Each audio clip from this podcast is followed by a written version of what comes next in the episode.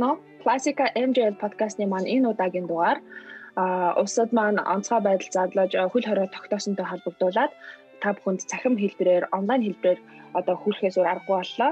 За бид нэр энэ хугацаагаа ашиглаад энэ дугаараас хойшоогоо ерөөхдөө дандаа онлайн хэлбэрийн маань дугаарууд явна. А мөн гадаадад суралцаж, мөн ажиллаж амьдарч байгаа сонгодог урлагийнхаа төлөөлөлтөд та бүхнийхээ уулзуулахаар ингээд шийдсэн байна.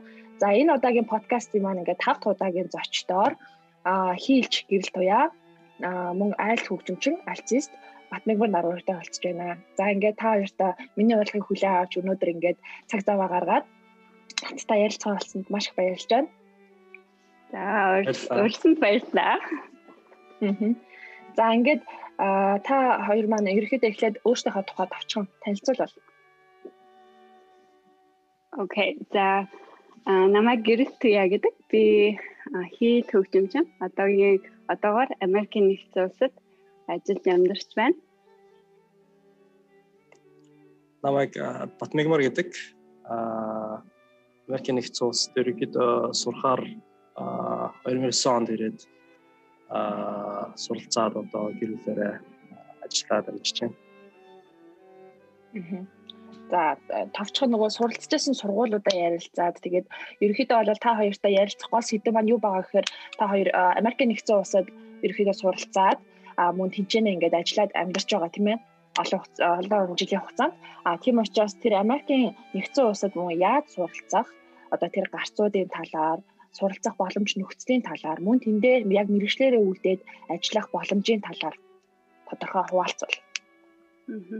Окей. За би 1995 онд хөгжмөжийн коллежид элсэж авсан. Хийлэн хөгжмийн ангид амар санаа багштай 2010 биш 1995 оноос 2008 он хүртэл үжүүжийн коллежид сураад аа тэгээд 2008-аас 10 оны хооронд Итали улсын Дивино хотдох дэлхийн нэгэн коллежид суралцаад олон улсын бакалавр гэдэг дипломтой төгссөн. Аа 10 оноос 14 оны хооронд Америкийн нэгдсэн улсын Бостон хотын Бостны хөгжмийн дэд сургууль буюу Boston Conservatory сураад бакалаврын зэрэгтэй Итали хэлч Маркус Плачи гэдэг багштэр суралцж төгссөн. А дараа нь 14-өөс 15 оны хооронд Chicago-ийн DePaul School of Music гэдэг хөгжмийн сургуульд мастертай нэгжил сурсан. А 14-өөс 16 оны хооронд Chicago-ийн Civic Orchestra of Chicago гэдэг оркестрт хөгжимчнээр ажилласан. Аа тэрний дараа 16-аас 18 оны хооронд Шикаго хотын ерөнхий боловсролын багц сургуулиуд төвийн хөгжмийн багшаар ажилласан. Group class гэж Америкт байдаг тийм олон хүүхд хамт хамтарч сурдаг тийм төрлийн хичээл заадаг байсан. Аа тэгээд 18 оноос хойш Америкта чөлөө дуран бүтээлч жир ажиллаж аа тэгээд бас өөрийн хүүхдүүдтэй хувийн хүүхдүүдтэй хичээл заагаад багшлаад байж байна. За мига. Аа гэрлээ битээр нэг ангийн хүүхдүүд тэгэхээр аа Итали бас очоод бас яг нэг жилийн наан цаана битээр хамсарсан. Тэгээд ерөнхийдөө бол Америк эртлээ бол ерөнхийдөө яг нэг хөгжмийн одоо замлаар хин тэ явсан. Тэгээд би 9 онд Оберлины консерваторт а яг мэрэгчлэр айлт хөгжмийн мэрэгчлэр 4 жилийн хугацаанд бакалавра а төгсөөд үргэлжлүүлээд 13 оноос би Yale их сургуульд магистра 2 жилийн хугацаатай дүүргээд тэгээд 15 оноос харин Монгол руу буцаж очсон. Тэгээд Монголд байх хугацаанд бол хөгжим үжилт одоо цагийн багш хэрэглээд үндсэн багш тэгээд хажуугаар нь улсын филармони оркестрт бас гэрээний хөгжимчин бас сойст бас гэрээний багшаар одоо магистрийн ангид хичээл заах юмс боломжууд гарснаас гадна одоо нөгөө төрийн бус байгууллагатс надад ажиллах боломж авахар гараад Монголын хөгжмийн мэрэгчдийн Монголын хөгжмийн мэрэгчдийн хөгжмийн холбоонд бас жил хагас ажиллаж тийм Швейцарын хөгжлийн урлагийн дэмжих байгууллагаас өгсөн тийм тэтгэхээр ерөөдөө нэг жилийн хугацаатай тийм хүчмийн одоо урлагийн тийм юу явуулсан хөтөлбөрийг явуулсан. Тэгээд 18 онд болохоор буцаад Америкт ирээд Нью-Йоркийн хойно одоо Hudson Valley гэдэг газар байдаг Bard College одоо магистрийн одоо зэрэгээр 18 оноос хойш сурж байгаа одоо хүртэл. За ерөнхийдөө бол та хоёр сая бол яг хэдээс хэдэн оны оронд хаана хаана ингээд сурсан талаар ярьсан шүү дээ тий. За тэгэл одлоо жоохон задлаад илүү тодорхой яг яах одоо яаж яагаад заавал Америкийн нэгдсэн улсыг сонгож суралцсан. Аа тэгээд тийшээгээ явах боломж гарцсан тийм нээлттэй боломжтой байсан юм уу? Тэгээ мөн яагаад дахиад яг тэр газараа мастераа дахиад сураад мөн дахиад ингээд оркеструудаар ажиллаад яагаад Америкийн нэгдсэн улс гэж? Мега төрөлхөө би яах вэ? Окей. Явлаа шүү. Ам за 2000 Италид сурж явах сүүлийн жилд те яг одоо дараа нь яах вэ те Италид төгсчөөд дараа нь яах вэ гэд асуулттай тулгарсан л та те тэгээд мэдээж зэрэг Америкт мундаг мундаг хөгжмийн том том сургуулиуд байдгийг мэддэг байсан. Тэгээд тэнд сурлах бас хүсэлтэй байсан.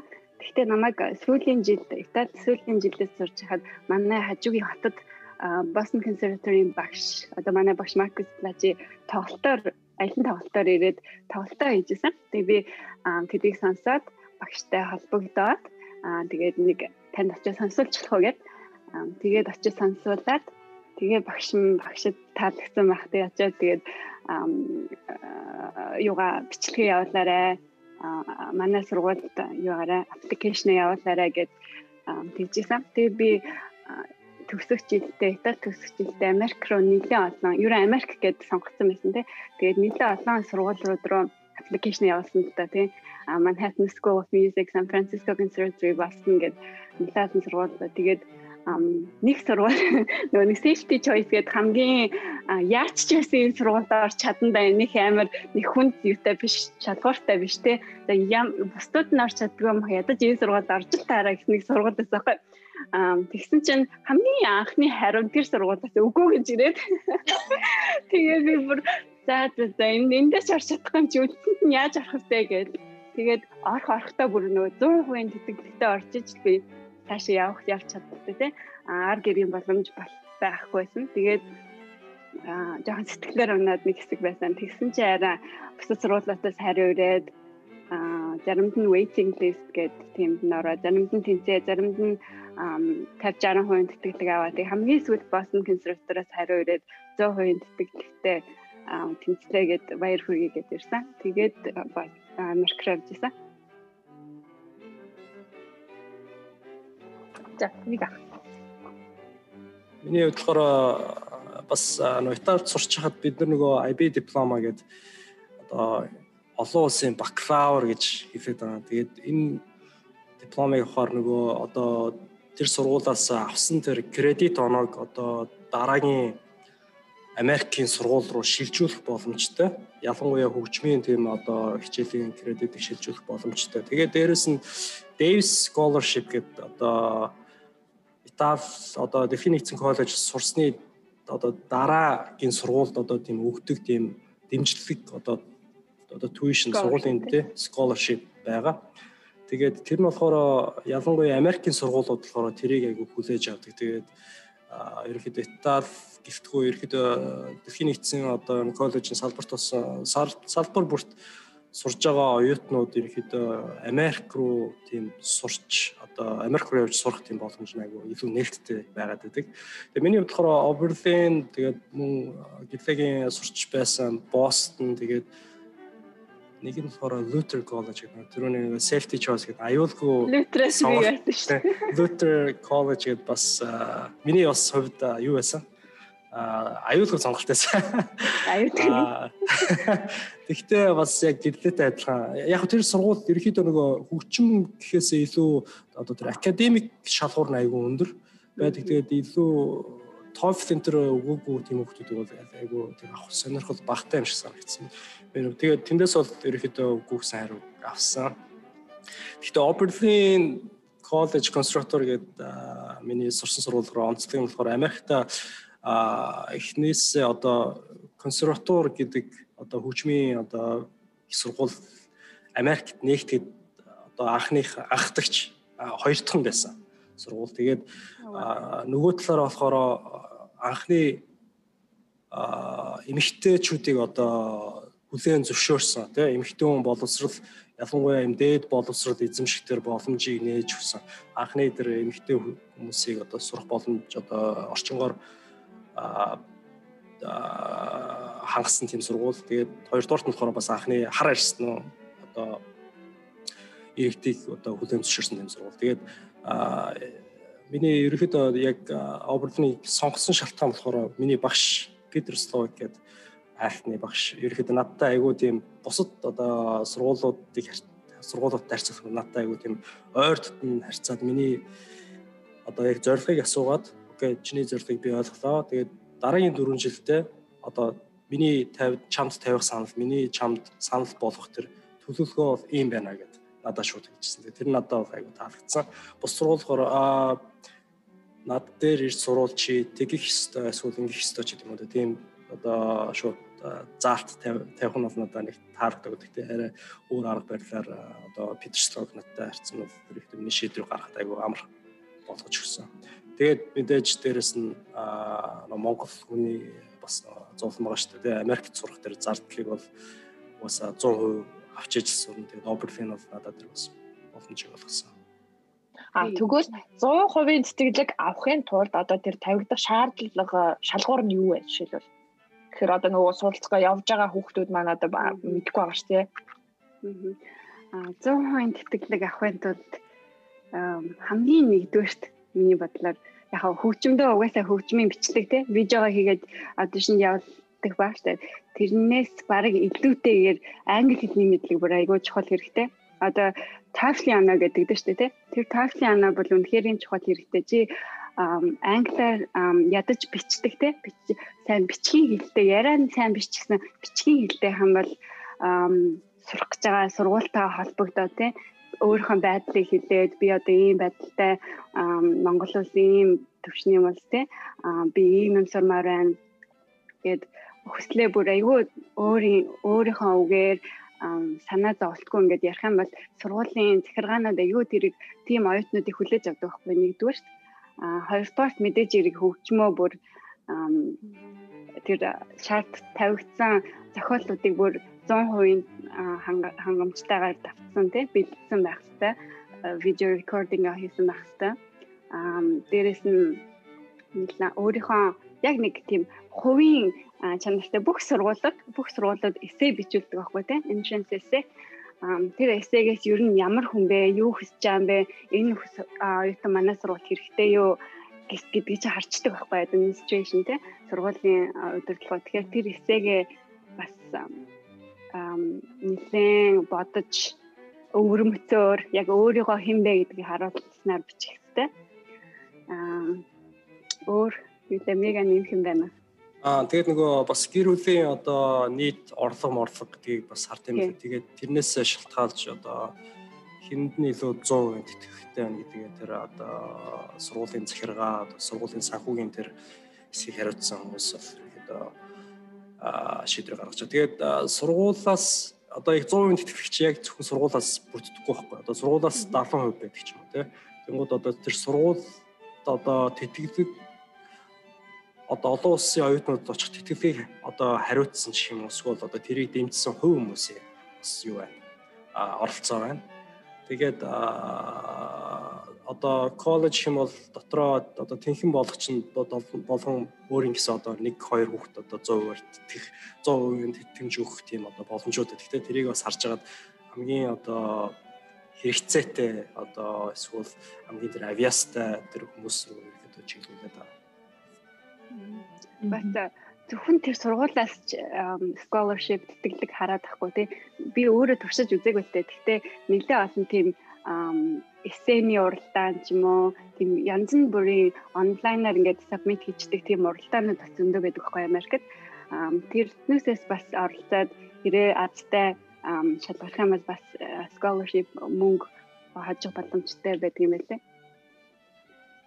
Аа бас ганц юм нэмээд хэлчихэ. Тэгээд аа зарим сургуулиуд бол одоо сургалтын төлбөр үнэгүй үнэгүй одоо сургалтын төлбөр ямар ч тийм төлөв байхгүй тийм сургуулиуд бас байгаа. Тэднэр лөө бас application гэж бол одоо жишээ нь Curtis Institute гэдэг байгаа. Тэгээд одоо Yale-ийн сургуулиуд яг бакалавр бол байхгүй хөгжмийн сургууль. Тэгээд магистрийн зөвхөн сургалт байдаг.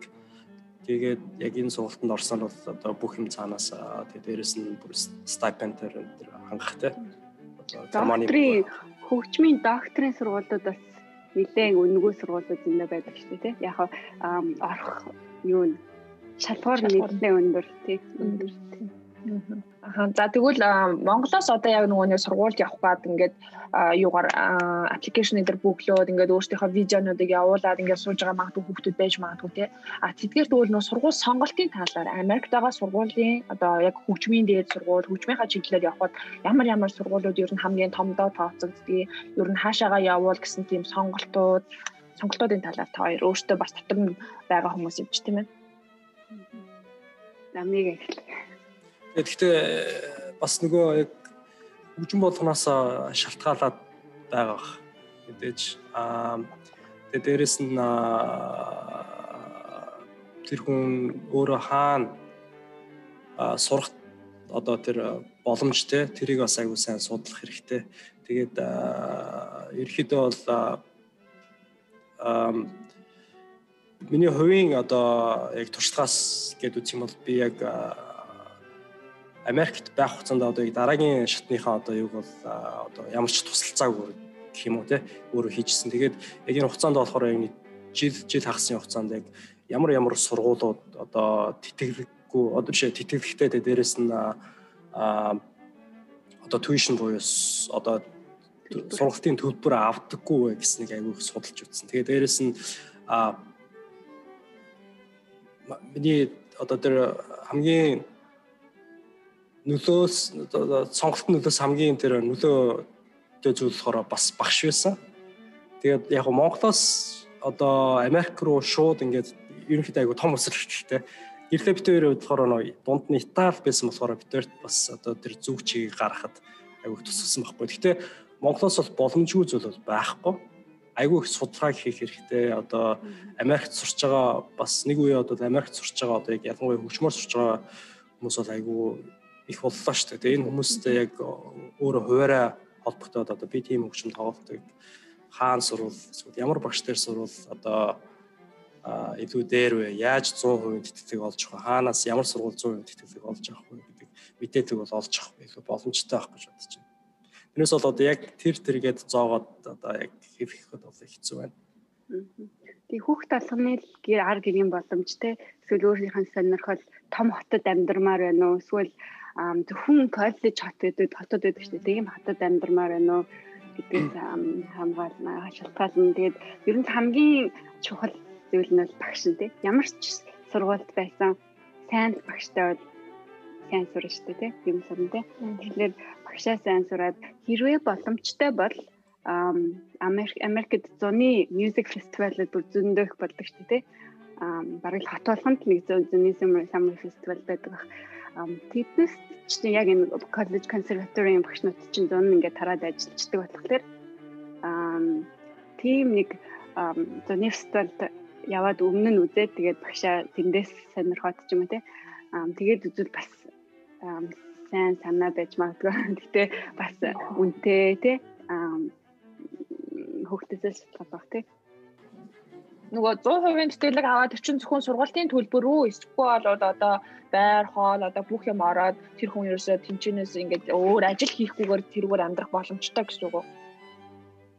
Ерөнхийдөө зөвхөн сургалтын төлбөрийг даадаг 100% тэтгэлгүүд л тий. Мега акт хоёрын хувьд бол азтай нь нөгөө Италид сургуулийг төгсөөд Америкт очсон оюутан болгонд цаанаас Davis Foundation гэдэг байгууллагаас тэтгэлэг амьдрах юугийн өртгийн даадаг тэтгэлэг өгдөг байхгүй. Тэгээ тиймтэй байсан учраас тэгээ миний хувьд л Бостонд тэгээд амьдраад сургуулсараад явж чадсан.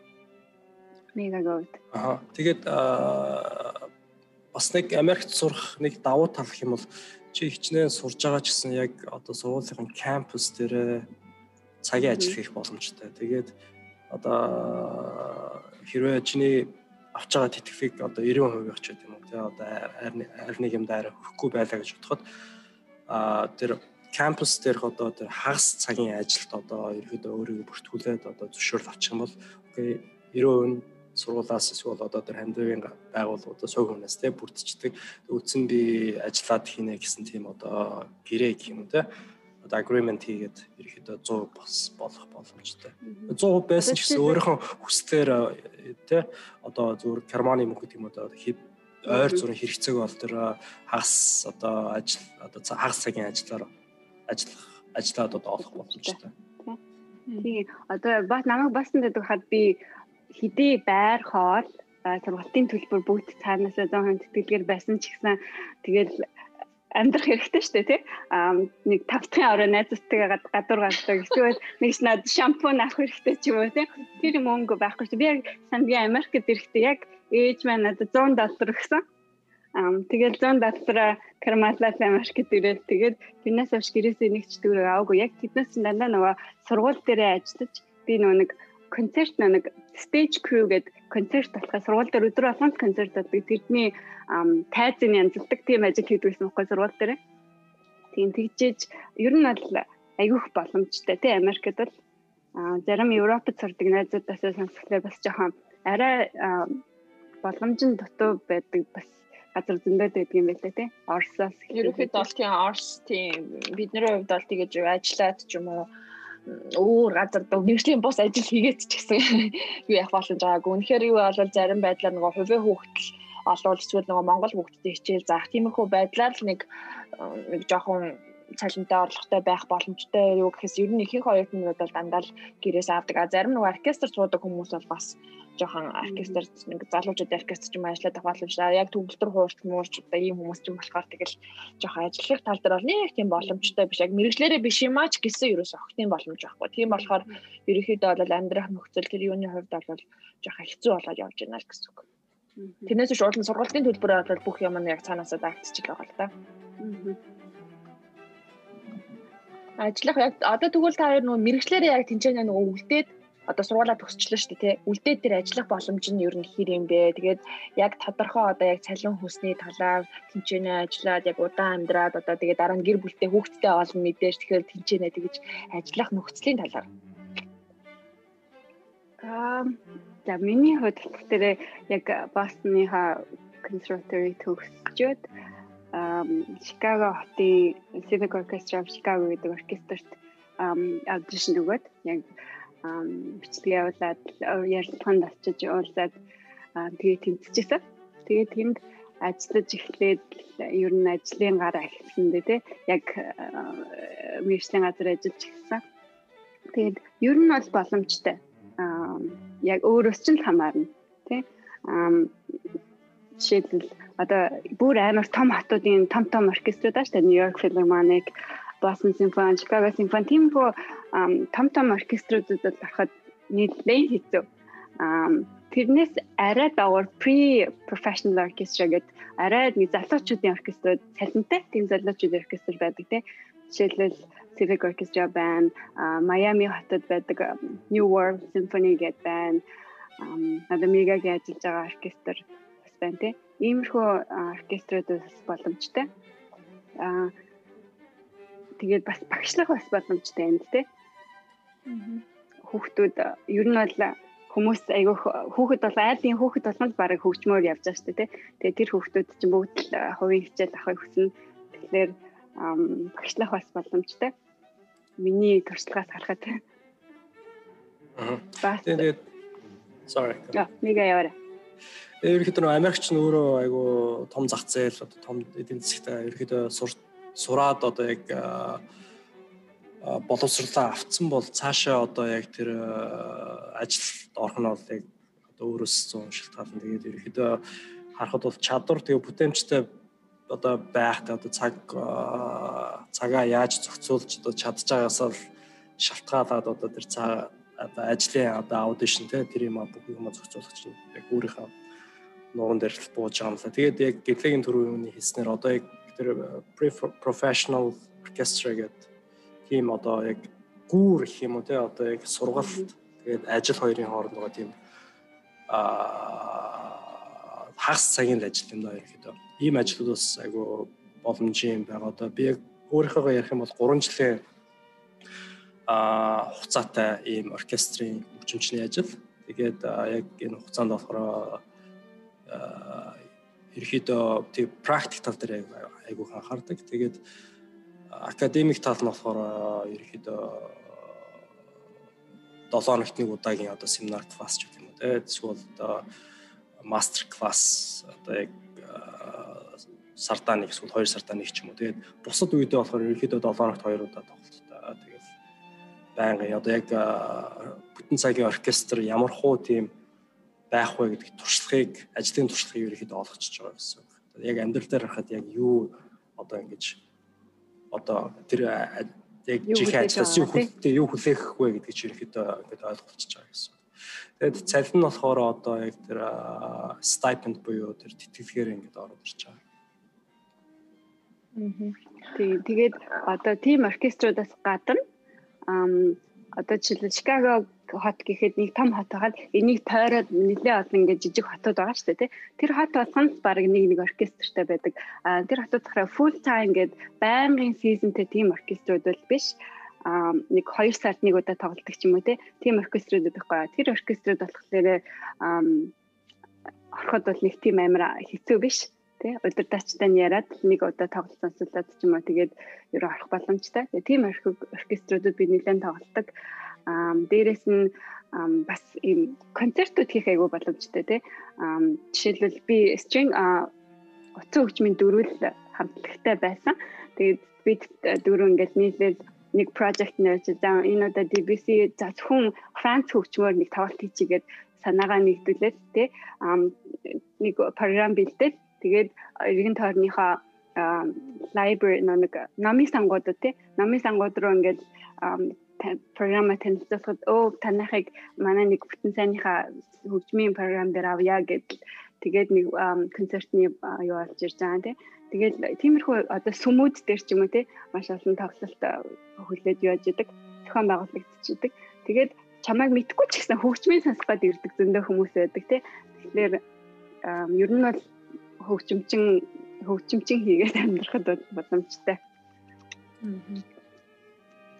За дараагийн хэдүүлэн хэн ярилцах сэдв болохоор ерөнхийдөө би нөгөө хоёр оркестрийн хөгжимч оролцож байгаа. Тэгээд өөрсөнд нөгөө ажиллаж байгаа, ажиллаж байсан туршлага байгаа учраас а та хоёр дээрээс нөгөө Монголд ч ажиллаж байсан, Америкт ч очиод ажиллаж байгаа. Тэгээ хоёр нөгөө ялгааг нь бас мэдж байгаа учраас оркестрийн хөгжимчин гэж ухам хин юм бэ.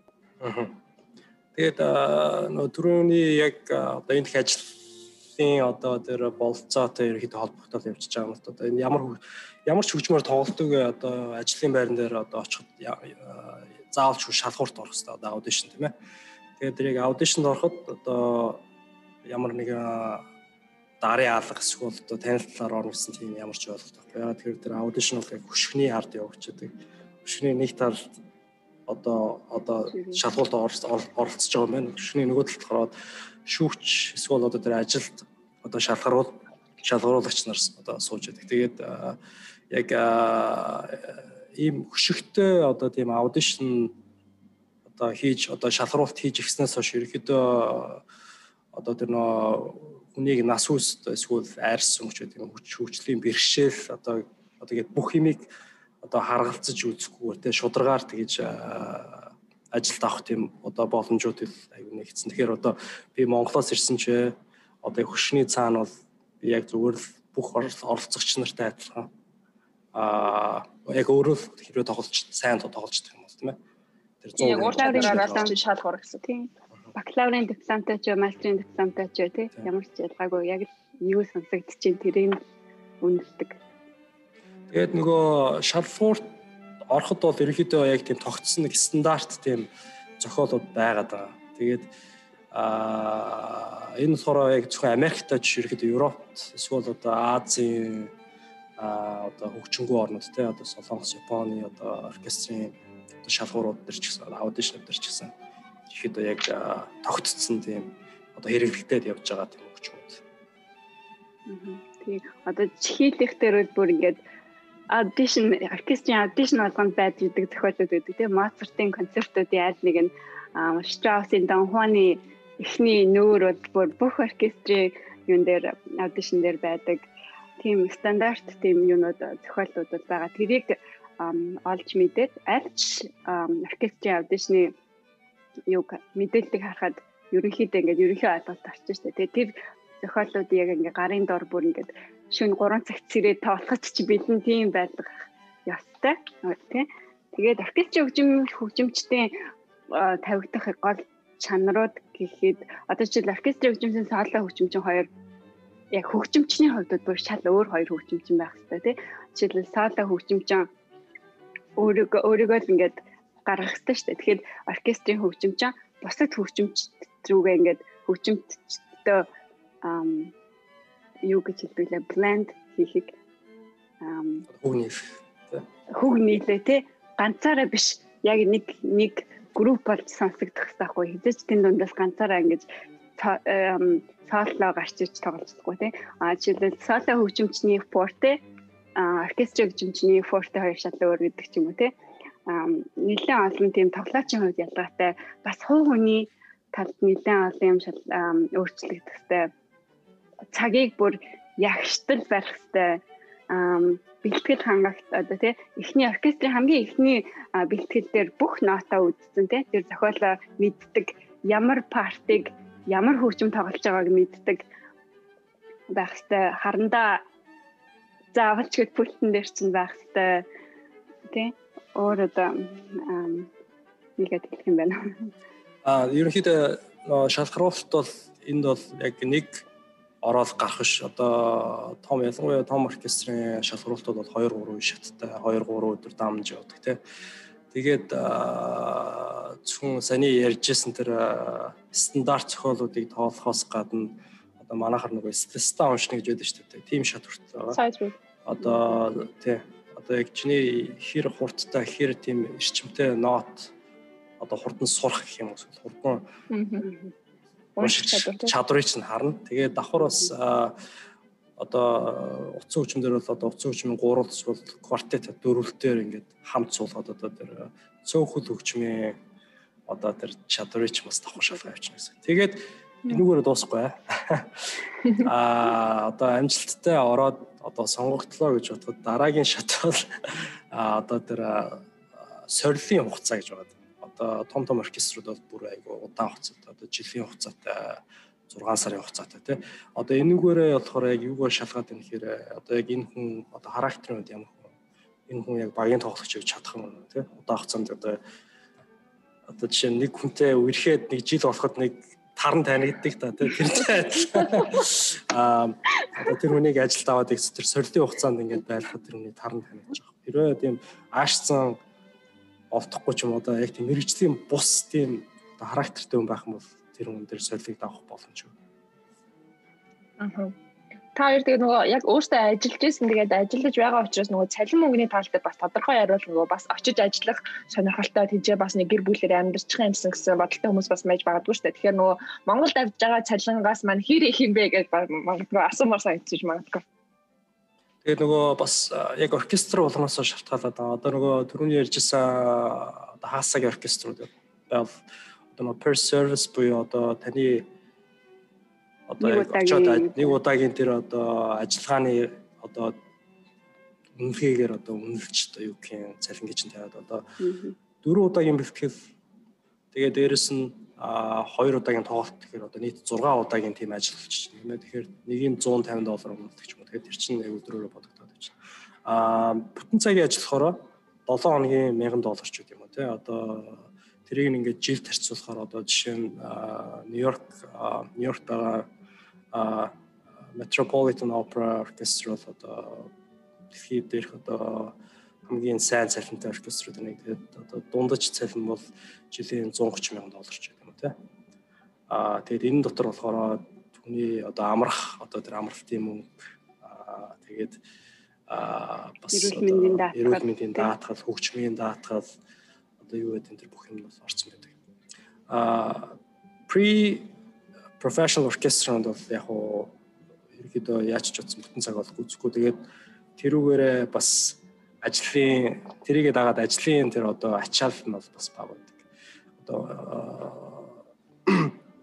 Майамид одоо түрүүний гэрлэгийн дурдсан New World Symphony бол 32-оос 34 мянган хооронд байгаа шүү жилийн. Гэтэ ерөөдөө энэ болохоор өөрөө сургал тал руугаа болохоор одоо нэг оюутнууд 100 амралттай адилхан 103 2 хагасаар ерөөдөө амарч гэсэн. Гэтэ тэр хугацаанд бас яг амралтын мөнгө аваад байна. Манай баарт одоо миний оролцож байгаа а миний сурч байгаа ажиллаж байгаа оркестр болохоор жилийн 24 мянга 24 мянган доллар тийм тэтгэлэгтэй юм уу цалинтай юм. Тэгээд бас яг ийм оркеструуд бол зөвхөн Америкт биш. Одоо Европт бас Азийн одоо хөгжингүү жишээ нь Японд хүртэл байгаа. Солонгос байгаа. Тэгээд ийм их боломжууд зөндөө байгаа. Тэгээд хамгийн гол нь болохоор тэр өөрийгөө тэр аудишнд одоо шалгаруултанд яг бэлтэж одоо өөрийгөө яг харуулж ажиллаад одоо тэр энэ ажлуудад орж байгаа. Хөгжимч одоо дараагийн сэдв болохоор ерөнхийдөө бас яг хөгжимчдөд бол маш чухал сэдв. Яа гэвэл одоо буруу барил тавилаас болж одоо хүнд одоо баг зэрэг өвчин ч юм уу эмгэг үүсдэг тий хөгжимчдөд. Тэгээ яг нөгөө хөгжимчдийн бие физиологийн онцлог а за тэгээ тэр буруу дадал одоо зуушрал тайвал барилаас үүдсэн одоо буруу зогсод хүртэл тэр чи ямар нэгэн байдлаар хүнд нөгөө нэг буруу зүйл одоо дараа нь бүр ингээд бүр бүр эмгэг өвчнөд юу ч байдгийг те 9 жорын бий болдог учраас одоо тэдгэрийг засах дасгал а мөн заслуудын тийм аргууд юу байдаг вэ? Та хоёрт бас одоо тохиолж исэн юм уу? Эсвэл бол магадгүй хичээлээд одоо консерватортой үзчихсэн тиймэрхүү хичээлийн одоо зааж исэн аргууд ч юм уу? Эсвэл тийм нэг үзэж мэдэж сонсохоор юм бол бас юу байдаг вэ? Аа тий угаасаа хөгжимчин хүн чинь спортын тамирчинтай ялгаагүй шүү дээ тий спортын тамирч өдөр болгон бэлтгэлтэй байдаг шиг хөгжимчид өдөр болгон булчингаа бие ажиллуулж иж хөгжмөд автдаг. Тийм учраас спортын ингээд дасгал хөдөлмөрийн дасгалынхаа дараа яаж булчингаа амраадаг штэ адилхан хөгжимчд бас тэгэх ёстой тий. А тийм талаар бол мэдлэггүй байсан та би жоохон бахта Монгол тахта. Тэгэл бүр ингээд 2 3 цаг ямар ч гол нь завсар авахгүй ингээд тэгж л тавтах юм бол надад илүү сайн гэж удаад ингээд өөрөө давтаад байдаг байсан. А тэр бол маш буруу. Яаж ч олон цагаар давтсан заавал гол нь 10 минут 15 минутын завсарлагыг бүр заавал авч иж нуруугаа тэг гар болчонгаа жоохон амрааж үргэлжлүүлэх хэрэгтэй. Аа тэгээд Америкийн консерваторт бол миний бодлоор бүхэл консерваторт энэ Alexander Technique гэдэг хичээлийг авах ёстой хичээлүүдийн нэг нь байдаг. Аа би ч гэсэн Boston консерватор тахтаа авсан. Аа Alexander Technique болохоор хүн яаж өөрийнхөө биеийг сонсох вэ? Аа энэ биеийнхаа бие яаж ингэж тайвшруулж ингэж хөгжмөдөө бэлтгэх юм те аа тийм талаар хэлэх яадаг хөгжимчдэд ойлголт өгдөг. А дээрээс нь манай сургууль яг хөгжимчдөд хөгжимчдийн хөгжимчдөр мэрэгшсэн тийм массажист байдаг байсан. А жишээлбэл улирал болгонд нэг удаа массаж авах эрэхтэй те хөгжим хөсөрөгчд. Тэгээд тэр массажистаар би ингээд нэг яг энэ нуруунд дээрээ бүр амар юм бондгортой байсан байхгүй юу?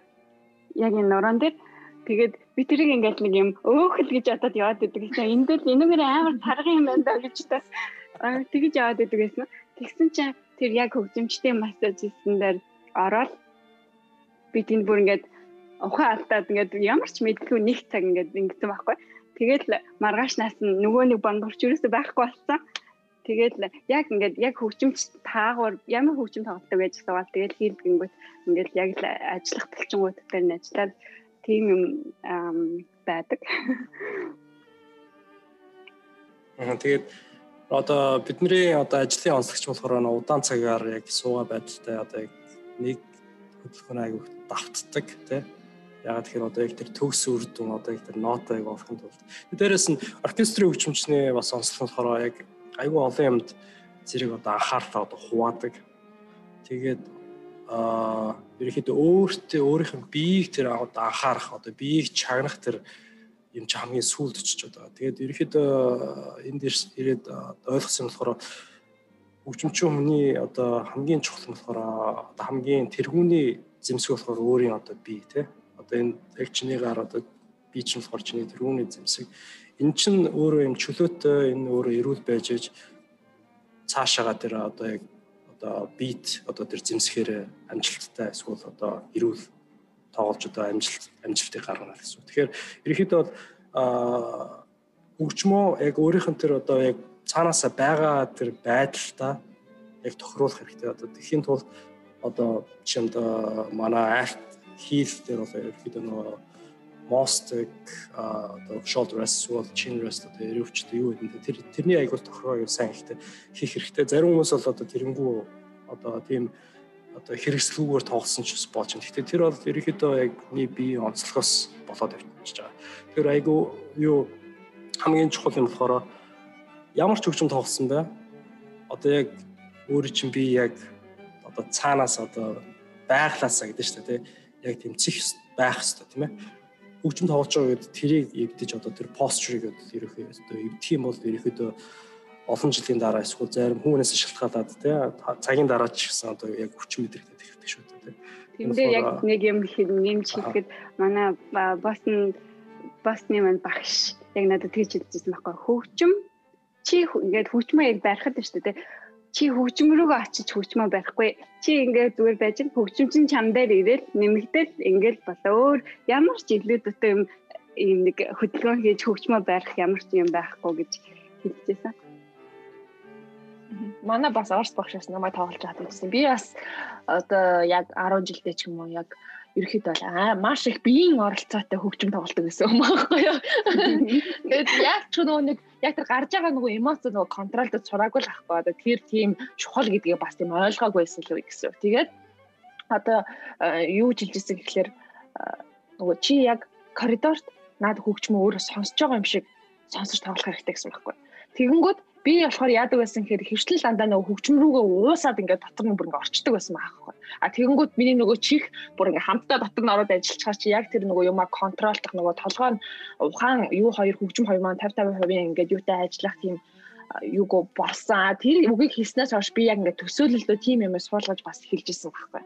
За яг би яг ингээд хэрвээ би яг сонсохоор бол яг ямар хөгжим өөрөө яг сонсомоор байгаа юм бэ те тоглохоор нэг хүн чинь яг нөгөө тоглоод хамаг юмдаа ингээд өөрөө бүр ингээд уусаад орчдөг. А яг сонсохоор бол би яг ямар хөгжим сонсомоор байгаа юм бэ? А тэгэнгүүт би тэрийг чинь гаргахтаа яг хуруугаараа дамжуул гаргаж байгаа болохоос одоо энэ би ингээд инглээгээ тэр одоо юмд нэх өөрчлөлт ороод ч юм уу те эсвэл сайжраад ч юм уу тэгээд байгаа юм баг байхгүй.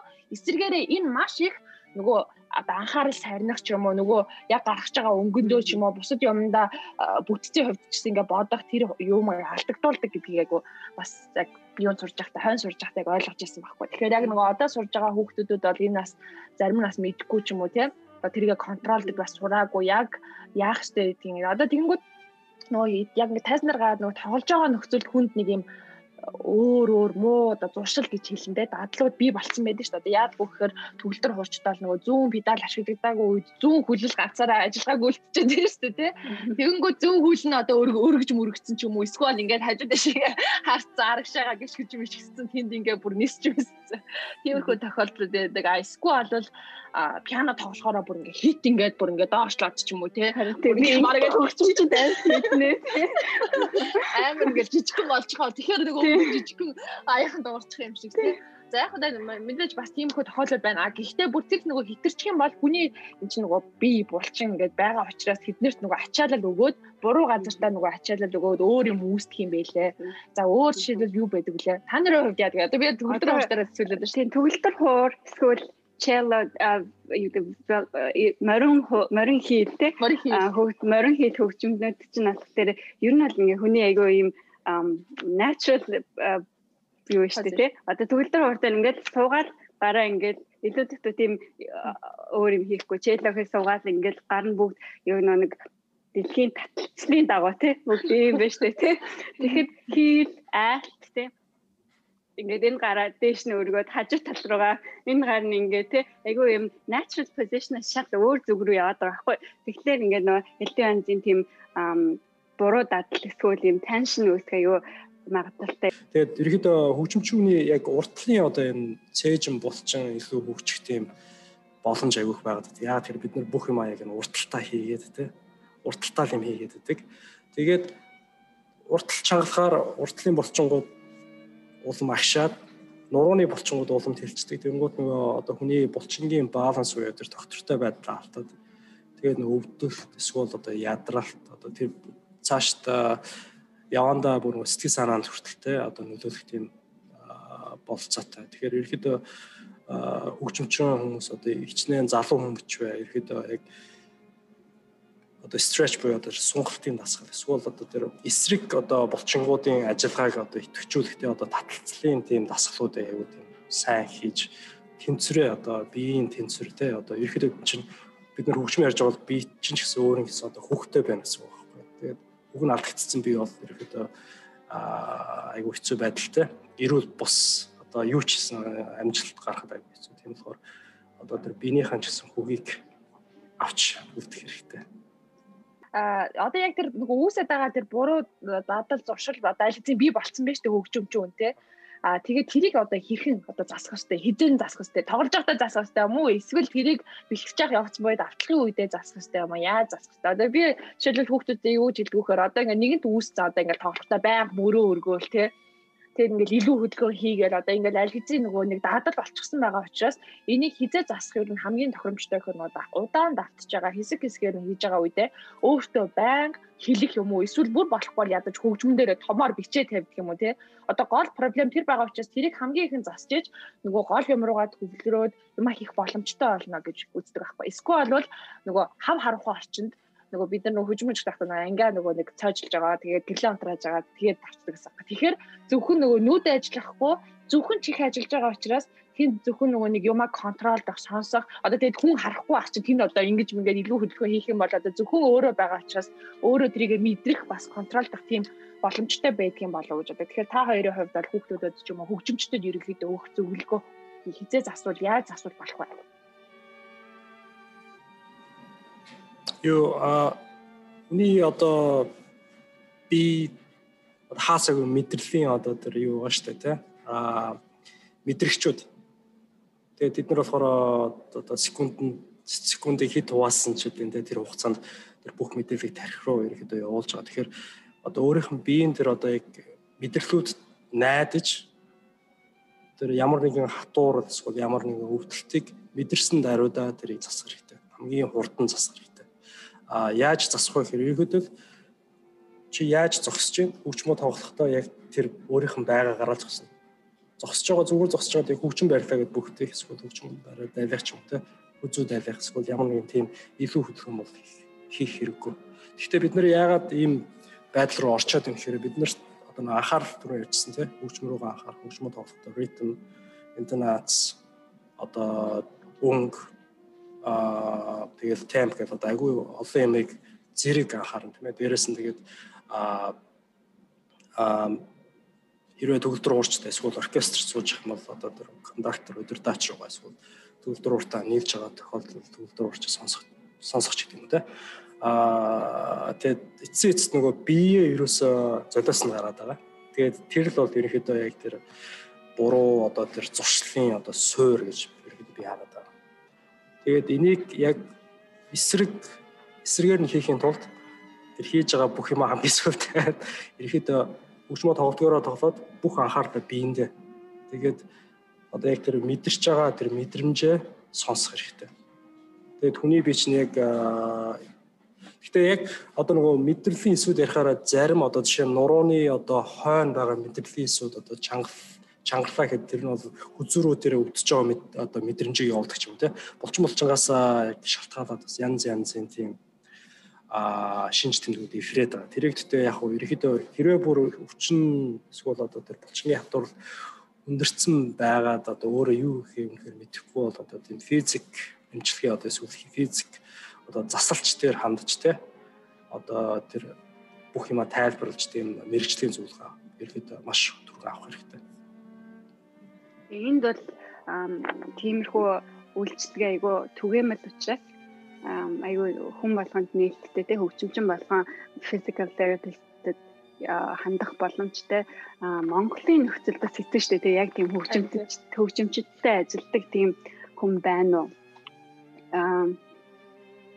Тэгэхээр бас миний нэг сан түрүүн санаанд орж исэн хэрвээ ямар нэгэн асуудалтай тэрийг олж чадахгүй яагаад юм гэдгээ ойлгохгүй байвал спортынхантай ажилдаг тийм терапевт байж магадгүй шүү дээ тийм хүндээс хандаж үзэж болох юм.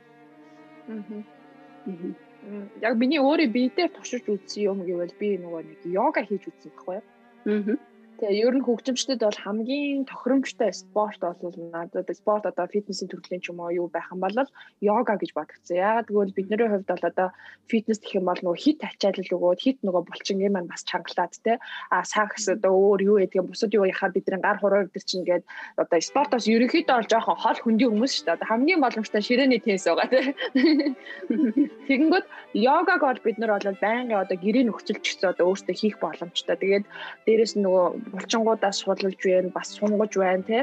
Тэгээд дээрэс нь нөгөө бага хэмжээний ч гэсэн тэнцээ бясалгал явагдчихдаг учраас хүн яг нөгөө өөрийнхөө биеийг удирдах, дээрэс нь өөрийгөө сонсох, тэгээд сэтгэл зүйн хувьд маш тайван болох гэдэг ерөнхийдөө бол тэр аль аль бие физиологийн талдаач тэр сэтгэл зүйн хувьд ч гэсэн йога бол бас хөгжимчдөд хийж одоо сурах дадлал одоо дасгалын хувьд бол хамгийн зохимжтой юм байна гэж би бол өөртөө туршиж үзсэн. Тэгээ йога пилатес гэдээ бас яаштай tasman хийх байна шүү дээ. Тэднээсээ хөгжимчд агай их яадаг шүү. За дараагийн сэдв болохоор COVID-19-тэй холбоотой. За одоо бараг дэлхийн нийтээр ингээд бараг хятадаас эхэлснээс тасгамаад бараг ингээд жил бүтэн жил ингээд ер нь хөл хорионд те нэг хагас хөл хорионд эсвэл одоо бүр ингээд онцгой байдал зарлаад одоо Монгол бол яг одооноос бол яг ингээд бүр яг гэрээс огт гарахгүй ийм боломж нөхцөл байдал бид нар ирсэн байна. За тэгвэл энэ байдал COVID-19 уран бүтээлчид яг хэрхэн нөлөөлж байгаа юм бэ? За тэгээд ийм гэр хороод хөл хороод байгаа нөхцөлд уран бүтээлчид яаж уран бүтээлээ туурвж болохын тэднэрт өөр ямар боломж нөхцлүүд байгаа хэрхэн уран бүтээлээ туурахын мөн хичээл одоо багш нарын хувьд ч хичээлээ ч юм уу яаж орох. Ягаад би энэ асуултыг асууж байгаа гэхээр гэрлэгчийн хувьд сая 3 сараас баха те яг ковидын үеэр нөгөө нэг видеонууд явж эхэлсэн. Одоо гадаадын уран бүтээлчтэйгээ хамтарсан одоо нөгөө видеонуудаа ингээд нийлүүлсэн. Тийм видеонууд тэгээд гол нөгөө нэг зохиолууд нь болохоор Монголын хөгжмийн зохиолчдын зохиолууд байсан тийм ээ. Тэгэхээр яг нөгөө яг энэ санаа яг ковидос болж гарвуу. За тэгээд яг та өөрөө нөгөө туршлагатай хүн учраас яг ковидын үеэр хэрхэн ажиллах талаар уран бүтээлч зөвлөгөө өгвөл. Аа хаан ч ясна хэцүү штэ тий. Ялангуяа ийм чөлөө дуран бүтээлч миний хувьд бол үнэхээр хэцүү үе байна. Одоо 3 сараас хойш Америк чинь ер нь хэцүү байна. Одоо жишээлбэл манай хот гэхэд өдөрт 18 мянган шин ковидын юунууд нэмэгдээд л штэ өдөр болгон 18 мянга тий. Тэгээ аюу хэцүү гэрээсээ ч гарах юугүй байгаа. Тэгэхээр яг энэ үед энэ жилийн бүх тоглолтууд дараа 21 оны баг эхний хагасын бүх тоглолтууд бүгд cancelсэн тий байхгүй болсон. Тэгэхээр нэлээд хүн төсөөлсөн. Тэгээд нэгдүгээр санхүүгийн байдал үнэхээр хэцүү. Хоёрдугаарт яг нэг уран бүтээлчийн хувьд тий нэг гоё тоглолт тоглолтод ормоор идэг байдгүй. Тэгээд манай нэг Малайс найз Дуина деталь хамт сурж ирсэн нэг найз манай найз харин нөгөө Азуудын тэр нөгөө ковидос ч юм болоод тий Америкт ерөн Европт ч гэсэн Азиудыг үзэн ядах тийм хөтөлбөр айгүй ихслээ шүү дээ тий. Тэгээ тэрний эсрэг Аз хөгжмийг танилцуулсан, Аз хөгжмийг гайхуулсан. Тэгээ 14 хоногийн сошиал медиагаар чаленжд нэгдсэн байсан. Тэгээд ингээл өдөр болгон өөр өөр төр улсын хөгжмөд тавтаад нэг өдөр нь гэрлээ хоёлаа Монгол хөгжим тоглоё гэдээ надад тэгсэн. Тэгээ би өө тгийгээ тэгээ бодож байгаа хамгийн түрүүнд уулын гарах гэж Чулунгайн зохиолыг аваа тэгээд тоглосон. Тэгээд тэгэд бүр айгүй хүмүүс түрээд надраа бүр зөндөө олон хүмүүс очиод ямар гоё юм бэ баярлалаа гэдэг ялангуяа гадаадд байгаа монголчууд те өдөр болгон тийм монгол хөгжмөө сонсоод идэх хүмүүс чинь тэр үр айгүй гоё байсан юм шиг байна. Зарим хүмүүс бүр баярлалаа мэдээ ах нь ингээд хөгжмөө чинь сонсоод өвчнөө мартаад сууж ийн гэсэн комент хүртээд надад бүр айгүй гоё байсан. Тэгээд цааш дараагийн дараагийн видеонууд яг тэр видеоноос эхлээд цаашаа ингээд хийгээд явъя нэгдүгээр хоёрдугаарт одоо жишээлбэл би сошиал медиагаар ингээд тоглолоо гэж үү те нэг видео гарлаа би ингээд баах тавах юм бол над чиг ингээд баах тавуулж байгаа ингээд мянга төмөн хэлчихэд байгаа шүү дээ те. Аа тэгээд тэрнээс юу ахын тулд арай өөр байхын тулд Монгол хөгжмөө те. Монгол хөгжмөө хөгжмийг мэдхгүй хүмүүс зөндөө байгаа шүү дээ. Тэр хүмүүст зориулаад тэгээд бас өөр ингээд өөр улсын гадаад найзуудтайгаа хамтраа тоглох юм бол бүр илүү сонирхолтой юм болоо тэр найзуудтай ч гэсэндээ Монгол хөгжмийг ойлгуулъя те ямар гоё юм гэдгийг мэдүүлэх гэсэн үгнээс аа тиймэрхүү видео хийж ирсэн. Тэр маань ганц миний тоглох боломжтой байдаг шүү дээ тий хөгжимчийн хойны хувьд өөр тоглох газар байхгүй. Аа тэгээд хийж эхэлсэн. Одоо жишээлбэл хөгжим сошиал медиаар тэгж тоглоод жишээлбэл надад санхүүгийн ямар нэгэн дэмжлэг байдаг ахгүй л дээ тий. Гэтэ бүгд ингээд өөрийнхөө хүслээр having fun тэгээд явж байгаа. Аа тэгтээ одоо жишээлбэл Европт байдаг Монгол хүмүүс намайг мэдээд манай хүүхд ингээд хэл тоглох юм аа онлайнаар хичээл авч болох уу гэд нэлээд олон хүмүүс асуудаг. Тэгээд одоо би онлайн хичээлээ үргэлжлүүлээд явж байна. Амьдрал менталтай одоогийн байдлаар ийм л юу штэ тий арга зам биш үү ажиллах Тэгэхээр тэрнтэйгээ хөл нийтэд анх удаа юу хэвчээсэн онлайнаар яаж хөвгөдөд хичээл заах юм бэ? Ялангуяа бүр ингээд 4 5 настай хөвгөдөд яаж хийл заах юм гээд аюу хэвчээсэн. Гэхдээ одоо тэгээд ингээд байдалтайгаа эвлэрээд өөрийгөө хөгжүүлээд шинэ одоо чаленжуудад юугаа аваа тий. Тэгээд явж байна. Миг ахад яаж COVID-19 яаж нөлөөлж байна вэ? Бид оркеструуд одоо яг Америкийн одоогийн үе үеийн одоо байдалд бол оркеструуд ерөөхдөө бүгдээрээ одоо тоглолтынхаа улирал одоо сизнүүдийг ерөөхдөө 21 оны 2 дугаар хагас хүртэл хойшлуулсан байгаа. Тэгээд манайх болохоор ерөөхдөө туршилтын байдлаар юм уу те одоо масктай ихээ зөвхөн утсан болон төгөлтөр хуур зөвхөр хөгжмөдөд оролцуулсан тийм програмууд дээр ерөөхдөө голчилж ажиллаад 9 сараас хойш аа бараг 8 тоглолт хийчихв. Тэгээд би яг өөрөө хуваараа бол тийм юу хийгээгүй. Аа одоо тийм сошиал медиа зориулжтай тийм одоо хувийн урмтал бол хийгээгүй. Гэхдээ одоо манай ажил болохоор ерөөхдөө маркетинг одоо сошиал медиаг хариуцсан бүтэн баг байдаг болохоор над тэрэнд бол нэг санаа зовоод ажил байгаа. Тэгээд энэ болохоор ерөнхийдөө аа манай одоо ажлын одоо шүтэн бишрэгч гэж чихэнж таашин гэхдээ сонсогч нар гэж байгаа. Тэр хүмүүс одоо 2020 оны одоо тэр бүх сизон одоо пифедүүдийг худалдаад авцсан байдаг. Одоо subscription хийсэн байдаг. Тэгээд тэр хүмүүстэй ерөнхийдөө зориулж юм одоо live stream одоо лайв стрим нь явсан гэсэн дараа нь тэр бичлэгүүд нь болохоор YouTube эсвэл Facebook ч гэдэг юм уу те а энэ онлайн одоо платформуд дээр ирэхэд үлдчихэж байгаа. Тэгээд энэ нь болохоор одоо ковидын үед ирэхэд миний оролцсон тэр одоо онлайн эсвэл тийм сошиал медиа арга хэмжээ байсан. Тэрнээс бол яг би хэрвээ одоо гэрлээ бол түрүүн ерөөд ерөөд бүгд нь хэлчлээ яг тийм бүх хүний одоо хийсэн имийг давтахгүйгээр яаж сайн бодож байгаад те өөртөө байгаа боломжтой хамгийн сайн тэр техник одоо микрофонд юу гэдэг камер те тэр юм юма хэрэглээд тийм шинийг илэрхийлсэн тийм уран бүтээл гаргах юм бол илүү хүнд. Зүгээр яг миний зүгээр нэг хувийн тийм яг төлөвлөгөө байгаа л та. Гэтэ би энийг яг 21 он хүртэл ерөөхдөө хойшлуулсан сайн төлөвлөж байгаад хийгээж бодож байгаа. Тэгээ угаасаа одоо манай ажил бол ерөөхдөө яг биеэр оролцох тэр ажил 2 сар хүртэл ерөөхдөө одоо зогссон байгаа. Тийм болохоор яг энэ хугацааг ашиглаад би ерөөхдөө Монголын бас одоо яг айлт хөгжим зориулсан тэр хөгжмийг одоо ерөөхдөө яг илүү мэрэгжлийн төвшөнд бичих тийм хүсэлтэй байгаа. Гэхдээ одоо яг ийм одоо цар тахлын үед яаж гэдгээ би одоохондоо яг шийдэг байгаа. Тэгээд бас тийм хувийн одоо хийгсэн хүсэл одоо хүсэжсэн юмудаа бол яг энэ цаг хугацаа ашиглаж зөв. Та хоёрын нөгөө суралцжсэн консерватор тэнцээс нөгөө авч хэрэгжүүлчихээр одоо манад аваад хэрэгжүүлэхээр ийм байгаасаа гэсэн зүйлсүүд а дээрэс нь тэндээс авчгаар хэрэгжүүлэхээр хичээлүүд юу байгаа вэ? За консерват манай консерватор болохоор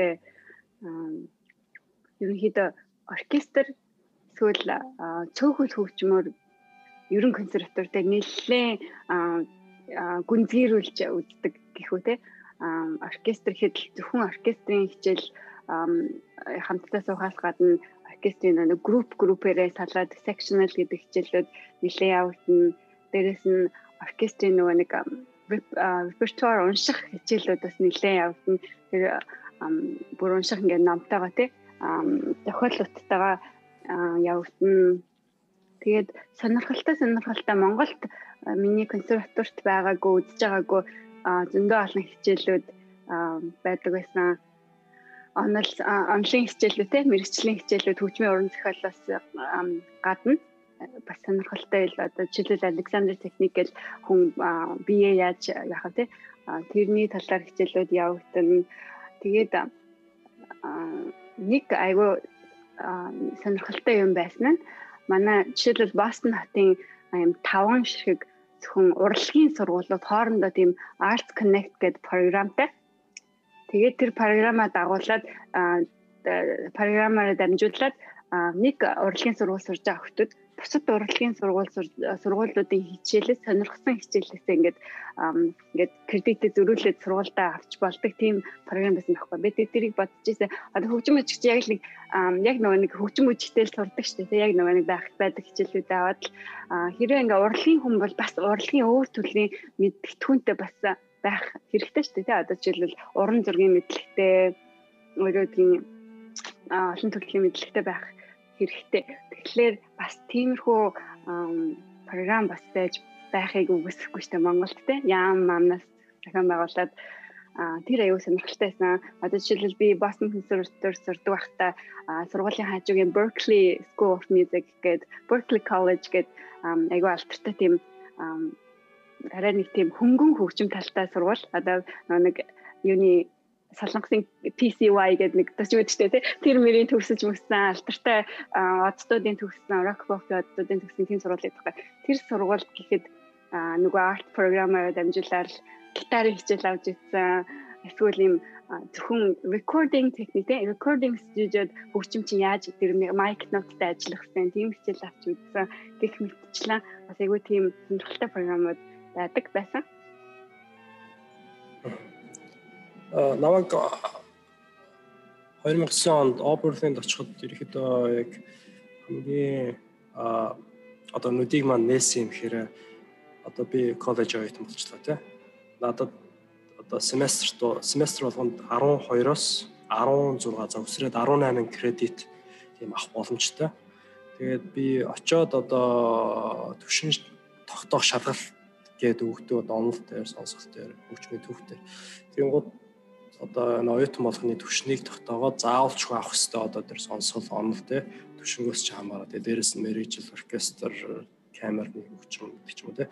Энэ авах хэрэгтэй хөгжмүүд одоо хичээлүүд байгаа. Тэгээ түүнээс гадна аа 2-оос 4 за 4 5 дугаар курс нь мэрэгжлийн одоо яг авах хэрэгтэй одоо түүхэн хичээл, он сонсгол хичээл багасаа явчихаар одоо төгсөх курс болохоор бүр 6 ч юм уу тийм кредитүүд одоо хүссэн хичээл авах тийм боломжууд гараад ирдэг. Тэгээд би болохоор яг тэр сурч явах үедээ болохоор а ягаад ч одоо хоёр л удаа курстэй нөгөө герман хөгжмөд одоо Штраусийн хөгжмүүдийг тоглоход нөгөө хөгжмийн одоо хэллэг бичлэгүүд болохоор ерөөхдөө дандаа герман хэл дээр байдаг. Би герман хэлнийхээ мэдлэгийг илүү сайжруулахын тулд герман хэлний анхан шатны одоо тийм хэлний хичээлийг бол хоёр семеструуд авч ирсэн тийм жишээтэй. Тэгээд бас одоо яг хөгжмөдөө холбоотой яг түрүүний хэлсэн одоо нөө студид яаж ажиллах вэ? Тэр чинь одоо яг айгуу чухал хэрэг болж байгаа байхгүй. Одоо яг одоо энэ пандемик үед те яаж микрофоноо заалгаж компьютерт хаана байрлуулж те яаж бичүүл камертай өөр яаж харагдаж ичүүл те хүнд илүү үзэхэд тийм таата тэ байх гэдэг ч юм уу тэ. Тийм тийм хичээлүүд бол айгүй тийм одоо уран бүтээлчийн хувьд ч бай тэ амьдрал одоо хөгжимчин хүний амьдрал айгүй тийм наалтцтай гэх юм уу. Тэгээд зарим хүмүүс бол бүр хичээлүүд ч гэсэн байна. Тийм эдийн засгийн бизнес одоо tax max тийм одоо яаж бодох бодох талаар ч юм тийм хичээл. Ерхэд тэр миний нүдийг нээсэн болохоор тэр яг өөрийн сонголт одоо яг тэр авах хэвээр хичээлүүд авчин тэгээ дээрэс нь юу авч болох вэ тэ тэгээ дээрэс нь бас нэг юм нэмжлэхэд яг мэрэгчлийн хичээл дээр одоо тэр бид нар ч дандаа хичээл аваад яг хуу хаяа нэг оркестрийн концерттэй бол тоглолчин тэгээд төгсөхдөө нэг тайван тоглолт тавьдаг ч юм уу тэ тэгээд ерөөхдөө яг одоо солист солист нашин зүгтээ яг одоо хувь хүнийхээ хувьд одоо яг өөрөө тийм тоглох тийм боломж иргэд айгу айгу баг байгаад байдаг шүү дээ. Америкт болохоор студио класс гэдэг одоо тийм хичээл байгаа. Энэ бол яг мэрэгжлийн хичээлийн нэг хэсэг. Тэгээд энэ болохоор яг өгөөчтэй юм юу гэхээр нэгдүгээр одоо шарт нэг удаа тэр хичээл дээр очиод өөрөө одоо баах тоолж баах баахаа тоглоод хамгийн гол нь зрителтэй тэр зрител нь одоо яг өөрөө чинь ангийн тийм хүүхдүүд нэгдүгээр курс дөрөвдүгээр курс хүртэл тэр хүүхдүүд сонсоод сууж байна. Тэгээд тэр хүүхдүүд оюутнууд те сонсоод сууж явахдаа зүгээр сонсоод суухгүй одоо нэг critical одоо одоо анхааралтай шүүмжтэй. Тэгээд хэлэх гэсэн юм одоо бичээд авчдаг одоо нэгдүгээр талтан дээр одоо тэгэл жиглсэн бол одоо надад ч юм уу хүмүүс одоо зэрэдэл сууж байгаа хүмүүс тэгэж хөрөх байлаа ч тийм үү тийм комментууд тэр нөгөө бусад одоо яг тоглож байгаа хүндээ хэлж болно. Тэгээд түүнээс гадна багш нь болохоор бас чи өнөөдөр яг тийм их тоглосон тэгээд тэрэн дээр чинь сайн байна энэ дээр чинь ер нь Америкт бол айгүй мууч тоглосон бай good job сайн байлаа гэдэг. Айгуу тийм encouragement одоо зоригжуулах гэх юм уу тэ. Хүний одоо итгэлийг ерөөсөө алдуулахгүй тийм одоо дандаа дээшээ дэвшүүлсэн тийм сэтгэлээр үнтэй ханддаг.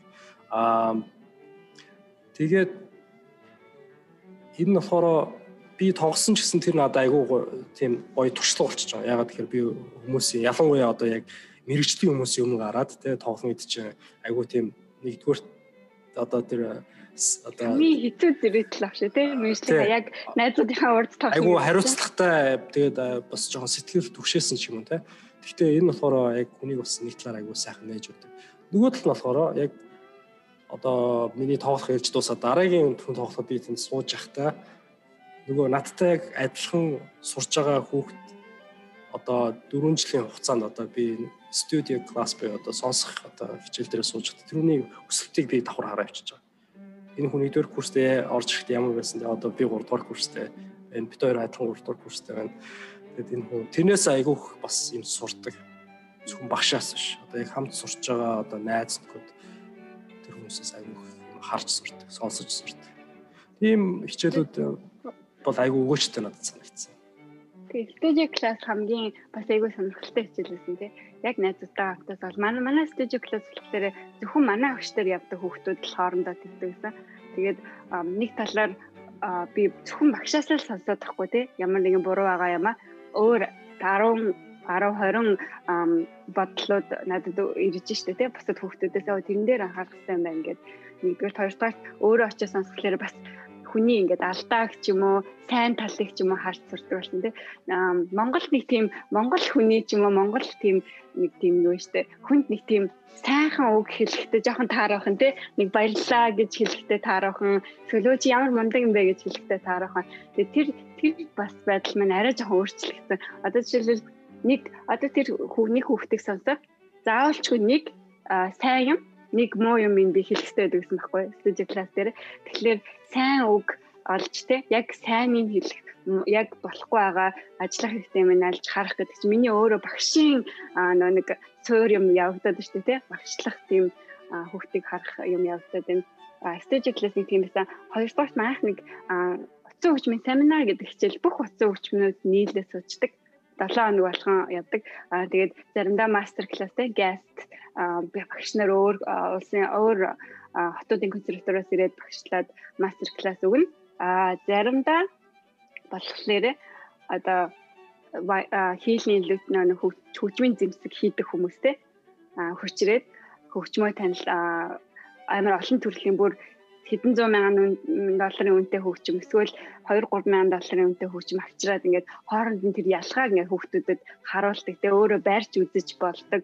Ч юм уу эсвэл хөгжмөө яаж арчлах вэ? Хуурай сэрүүн одоо Монголын нөхцөл яах вэ? Тэ хуурай сэрүүн нөхцөл яах вэ? Чигтээ үед яаж хөгжмөө арчлах вэ? Ч юм уу эсвэл зөвхөн нэг бөөгөр Симчокер дагнсан, Номар дагнсан мэрэгчлэлтэй хүрчирээд одоо Франц, Герман, Итали номнуудын ялгааг тайлбарлаж өгдөг ч юм уу те.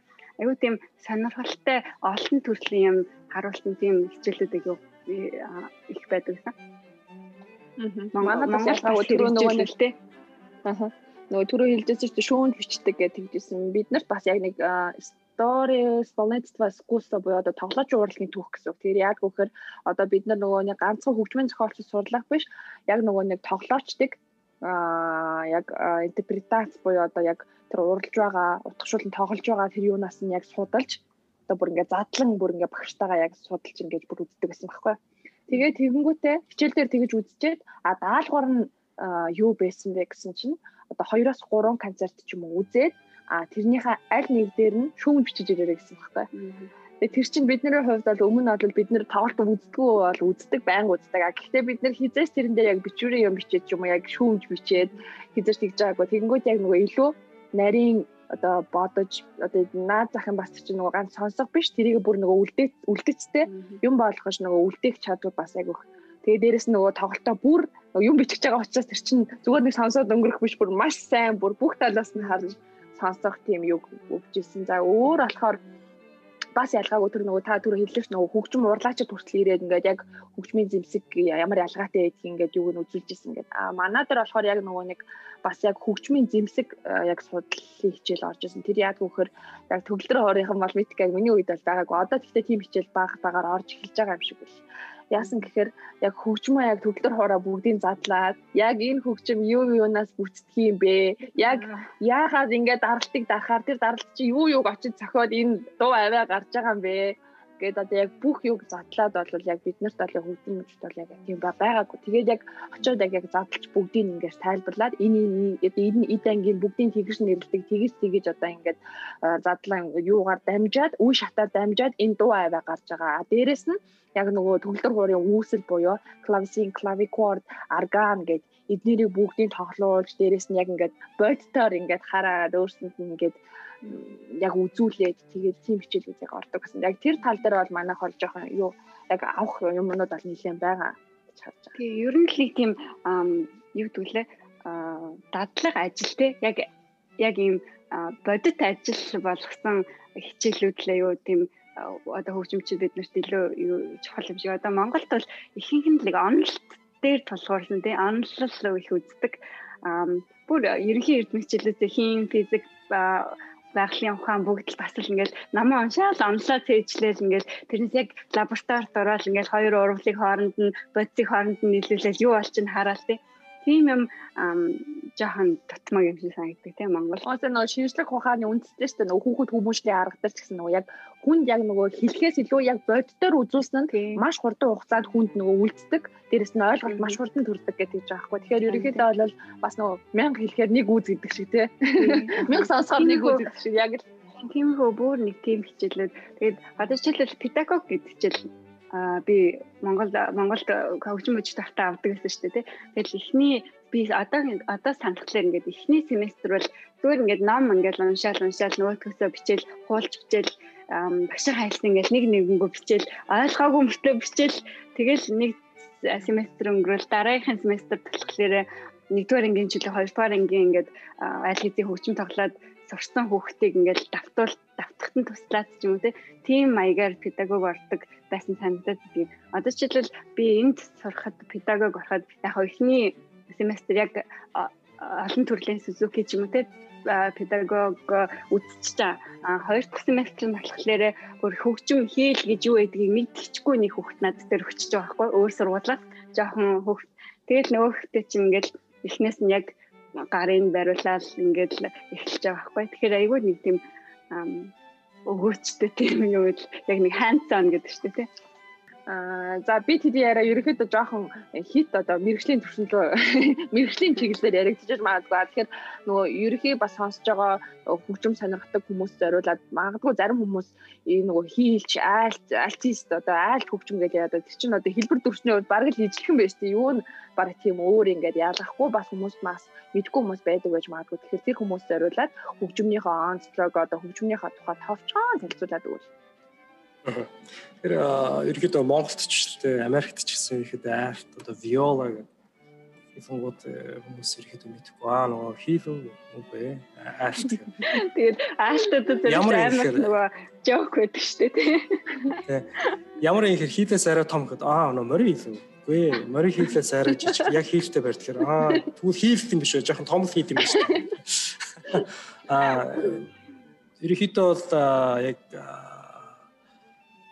хийл чело хоёрын голд байгаа. Одоо хийлийн регистрийг одоо одоо дуурах тэр боломжтой регистр гэж яриа тий одоо давхар одоо тэнгууд cello эсвэл contrabass бүр доошо тий тэр дуурах боломжтой регистр шатны хооронд байгаа тэр холбогч хөгжим гэсэн үг. Тэгэхээр яг айлт хөгжим болохоор оркестрт яг энэ хийв cello хоёрын голд суудаг. Одоо яг зүрхэн талд суудаг гэсэн. Зүрхний хөгжим юм аа. За тэр ч яг. Гэтэ ерөөхдөө яг оркестрийн одоо хөгжим ярьснихтай одоо яг үүрэг ролын ярих юм бол оркестрт болохоор яг хийвтэй харьцуулах юм бол одоо нэг тийм арай сул үүрэг ролтой юм шиг. Эсвэл челтой харьцуулах юм бол бас нэг үүрэг рол нь нэг тийм ижил биштэй төвшөнд яваад байгаа тийм нэг жоохон аккомпанемент буюу одоо туслах тийм үүрэг ролтой.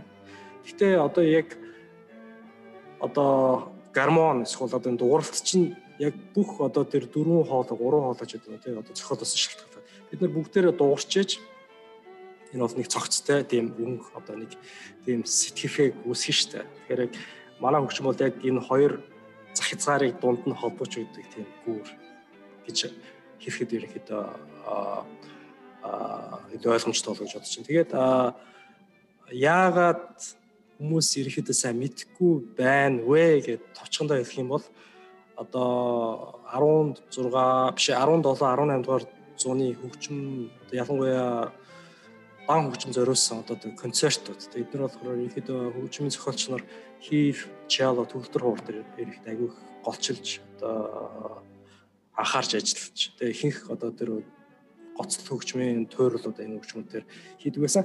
Тэгээд 20 20 дугаар зуунаас харин одоо яг нарийн учрыг мэдэхгүй ч гэсэн одоо хөгжмийн зохиолч нар илүү айлт хөгжим рүү анхаарлаа хандуулж гисэн. Тэгээд ерхэд 20 дугаар зууныг бол айлт хөгжмийн зуун зэрэг одоо яг сонгодог хөгжим. Ягаад тэгэхээр 20 дугаар зуунд одоо яг солист одоо гоцлооч тийм айлт хөгжимчд айгүй ихээр төрсөн. Энэ хүмүүсийг дагаад энэ хүмүүс зориулсан тэр хөгжмийн зохиолууд маш ихээр одоо тойрогдож эхэлсэн. Тэгээд бас тийм сонирхолтой гэх юм одоо одоо жоо харамсалтай ч нэг тийм баримт гэх юм бол а хөгжмийн зохиолч нар яг айлтны зохиол бичээд яг нас ороод байгаа тийм тохиолдлууд бас мэрсэн байгаа. Одоо жишээ нь Барток гэдэг одоо Унгарын тий нэр төгчмчин түүний хамгийн сүүлчийн зохиол бол айлтны концерт. А Моцарт болохоор яг уу яг айлтны гоцлол бичээгүй ч гэсэн а юу одоо сүүл бичигдчихсэн тэр юунууд нь string quartet одоо уцаа хөгжим дөрвөл одоо уцаа хөгжмийн одоо viola quintet одоо айлтны тавл гэсэн тийм зохиолууд нэг сүүл рүү байна. А бас нэг хөгжмийн зохиолч болохоор Шостакович одоо 20 дугаар зууны Орсын нэр хөгжмийн зохиолч. Түүний хамгийн сүүлийн бичсэн хөгжим болохоор айлтны соната. Одоо ихний англиар болохоор бам бам бам бам одоо жишээ нь одоо пиццикат явдаг. Тэр болохоор яг мань хүн эмгэгт байгаа. Эмгэгт одоо яг ганц сонсож байгаа болохоор тэр хамны цаг тэ тэрийг яг тэгж дүрсэлсэн байдалтай гарч юм уу тэр хөгжмийг бол дүгнээд байгаа. Аа тийм баримт байна. Аа Тэгээд ерөнхийдөө 20 дугаар зуунаас бол энэ хөгжим бол илүү тэгж хүмүүст хүрж ирсэн гэж ер нь түүхэнд хөгжмийн түүхэнд нэг таарад. Аа суралцаж эхлэхдээ бол хийлээ э, суралцаж эхэлдэг те. Тийм. Гэхдээ ерөнхийдөө шууд айл төгжмөөр эхлэх тийм метод арга барилжсэн байгаа. Ерөнхийдөө Suzuki одоо Suzuki метод ч ерөнхийдөө яг Suzuki гэдэг Японы ерөнхийдөө гаргаж ирсэн тий. Одоо дэлхийн 2 дугаар дайнаас хойш одоо энэ хүүхдүүд дэлхийн тэр 2 дугаар дайнд одоо нэрвэгдсэн тэр хүүхдүүдийг те илүү тийм одоо хүн болгохын төлөө тэр энэ методыг одоо гаргаж ирсэн тийм хүн. Тэгээд энэ хүний тэр методыг бол ерөнхийдөө Европ, Америкт бол айгүй хэлж байгаа. Тэгээд энэ методоор бол айлтан дээр шууд их их тийм боломжтой. Тэгээд Монголд одоохондоо а нэг тийм юу байгаа хаа тийм тохиолдол байгаа яг айлтан дээр гэсэн бид тэр сайн мэдэхгүй. Гэхдээ ихэвчлэн хийлээр явж агаад одоо яг айлт хөгжим тоглох тэр бие физиологийн хувьд одоо тэр хангалттай одоо урт гартай тий том биетэй том бүртэй болоод ирэхүүд жишээ нь одоо 6 7 дугаар ангитай тийм ээ айлт хөгжим рүү шилждэг тийм одоо зарчимтай гэх юм уу эсвэл уламжлалтай одоо сургалт байгаа. Тэгээд ерөнхийдөө энэ давуу тал юу гэхээр ерөнхийдөө нөгөө хийлийн репертуар хийлийн одоо утга зохиол руу ерөнхийдөө 6 дугаар ангитай ерөнхийдөө айгүйх нэвтрээд тэгээд яг техникийн хувьд болохоор хийл айлт бол нэг ялгаа байхгүй. Гэхдээ одоо тэр өнгө гарах одоо баруун гарын одоо тэр техникүүд болохоор жоохон өөрчлөгдөд байна. Яг тэгэхээр айл хөгжмийн утас арай бүдүүн тэгээд арай урт симчок нь гэсэн арай урт тэгээд арай хүнд. Тэгэхээр одоо яг тэр симчокийг 100% одоо хийдэн симчок бол хамаагүй хөнгөн тийм ээ. Тэр техникүүд бол арай одоо өөр хувилбараар заагдаад явчихдаг. За ингээд ерөөхдөө баг хамгийн сүүлтийн сүүлчийн асуулт болж таарж байна. Юу гэхээр хизээ Монгол руугаа буцах гэж байна. За тэгээд нөгөө очиод хий гэсэн зүйлсийн төлөвлөгөө, дээрэс нь хий гэж хүсдэг зүйлс чинь Монголдоо нэг очиод нэг энийг хийчих юмсан, энийг хэрэгжүүлчих юмсан гэж боддог. Хүсдэг зүйлс нь юу вэ? Аа за миний хувьд болохоор гэр бүл би гэр бүлтэйгээ хамтдаа би хоёр хүүтэй. Аа тэгээ манай том хүү маань дараа жил яг 6 нас хүрээд юунд сургуульд орох цаг нь болж байгаа. Тэгээ би гэр бүлээрээ Монголд сургуульд эхэлсэн дээр юм болоо гэдэг шийдвэр гаргасан. Тэгээд одоо юу болох нь те хөл хараа хил лав хизээ амгаах нь тэгээд удахгүй их орондоо буцаж очив. Аа тэгээд очиод хийх хий гэж батсан зөндөө юм байна. Аа жишээлбэл хамгийн одоо гол юм нь болохоор би илүү нэг юм ерөнхий хүмүүсийн хөгжмийн боловсролд илүү их хувь нэмрээ оруулж тэр талыг илүү юм хийж би боддог л та яг мэдээж хэрэг урлагийн мэрэгжлийн хөгжмөөр хөгжимчдтэй ч юм уу хөгжмөр яана л та. Гэтэ илүү юм нийтийг хамарсан юмнууд ажлуудыг хийгэж төлөвлөдөг. Жишээлбэл би нэг 2014 онд нэг Монголд тийм төсөл хэрэгжүүлсэн бол UB project гэх төсөл. Тэрний маань гол одоо ажлуудын маань нэг нь болохоор энэ хүүхдийн асрамжийн төвөддөг шүү дээ. Хүүхдийн асрамжийн төвөд дээр хөгжим мэн боловсруулалтыг нэвтрүүлэх те одоо жишээлбэл би оюука маань надад туслаа те төгөлтөр хоёрын тоглож гэж байна шүү дээ. Бид нар хоёр юун дээр хүүхдийн асрамжийн төв дээр очиод тэнд байсан хүүхдүүдэд хөгжим авч өгөөд тэгээд би найзтайгаа Америкийн эрдүү хэлч, мега шиг эрдүү хэлч найз Эриктэйгээ хамтдаа нэг бүтэн сарыг тэр асамжийн төвийн хүүхдүүдтэй өнгөрүүлээ те хөгжим зааж өгөөд англи хэлний баг зэрэг мэдлэг өгөөд тэгээд ерөнхийдөө хамт ингээд хамт байх те тэгээд хөгжмийн хөгжмийн боловсрал хөгжим ингээд тоглох тоглоод чи яг юу одоо юу юу хүссэн? Чи ингээд хамгийн гол нь хөгжимчин болохтой болно шүү дээ. Чи ингээд ажиллах юм бол те сайн мэрэх юм бол юунд ч хүрч чадна шүү гэдэг ойлголтыг өгөхийн тулд хөгжмөөр дамжуулаад нэгэн сарын дотор те 2 3 дуу тоглуулаад сургацдаг ч юм уу 10 хүүхдэн хүүхдүүдийг нийлүүлж тэгээд одоо жишээлбэл би тэгээд тэгэхэд 2014 онд тэгээд хичээл заасан прожект хийсэн гэж бодоход саяхан би нэг айгүй гоё мэдээ сонссон байхгүй. Тэр нэг тасамжийн төвөөсөө гэсэн чинь а бид нарыг тэгж хичээлээ хийгээ явж хахад нэг дөнгөж мөлхчихсэн нэг хоёр настай л хүү байсан гинэ тэр тасамжийн төв гэсэн чинь тэр хүү өнөөд саяхан түрүү жил юм да. А Нью-Йоркийн Carnegie Hall-ын нэг recital hall-д нэрээд хийл тоглоод шагналт аваад тэмцээнд л орсон шиг айгүй тийм мундаг тэгвэл хийлч болсон тэгээд тэр асамжийн төв ихч маань гэтлээ ингээ чиний суулгасан өрнөөс бяцхан цэцэг ингээд дэлгэрсэн баярлаа гэд хэлчихсэн. Тийм ч юм те нэг ч гэсэн хүүхдийн нэг ч гэсэн хүний амьдралыг хөгжмөр дамжуулаад өөрчилж юмсан юм. Ер нь нэг тиймэрхүү ерөнхий хөгжмийн мэдлэг олгох тийм ажлууд хий гэж боддог монголчуудаараа. Мигийнхаа хувьд бас ялгаагүй нөгөө Монголын мэрэгжлийн хөгжмийн холбоо нөгөө ид чидийн орон дээр очиж Э, бас юу яажсэн те концерт хийжсэн. Дээрэс нөгөө нэг цуврал нөгөө сургуулиудаар лекц концертнууд хийжсэн те. Тэгээ тэр талаараа бас жоохон яриач. Ягаад ерөөхдөө нөгөө хийж байгаа нөгөө гол зорилго дээрэс нь ач холбогдол нь яг юу юм бэ? Аа ерөнхийдөө бол хөгжмөөр дамжуулж одоо яг энэ хүний одоо хүнд байх ёстой тэр бүх одоо зан чанар одоо одоо хүнийг цогцлоож байгаа те тэр юм чинь хүн хөгжлийн хөгжмийн мэрэгчлэр дамжуулагдаад одоо яг хүнлэг дээр одоо илүү тэр гэгээлэг тал нь илүү хөгжөд хөгжөхөд тусна юм болдог. Тэгээд а хөгжмийн ерөнхий боловсрал бол айгүй чухал гэж ерөөхдөө ойлгогдсон. А яг тэр лекц концертуудыг хийгээд явж байгаа. Ерөөхдөө бид нар бол яг зөв хөгжмийн квартетийн хөгжмийг илүү танилцуулаад тэгээд дээрэс нь хийл, эрдүү хийл, орой хийл гэсэн гурван хөгжмөө танилцуулаад ерөөхдөө явсан. Тэгээд тоглож байсан мэдээж хөгжмөө хөгжмийн зохиолуудаа ерөөхдөө танилцуулаад нэг 30-аас 45 минутын тийм концерт. Тэгээд дээрэс нь 15 минутын дундуур нь холиод тийм ярих тийм лекцүүд а дунд сургуулийн хүүхдүүд ерөөхдөө тавиа явсан. Тэгээд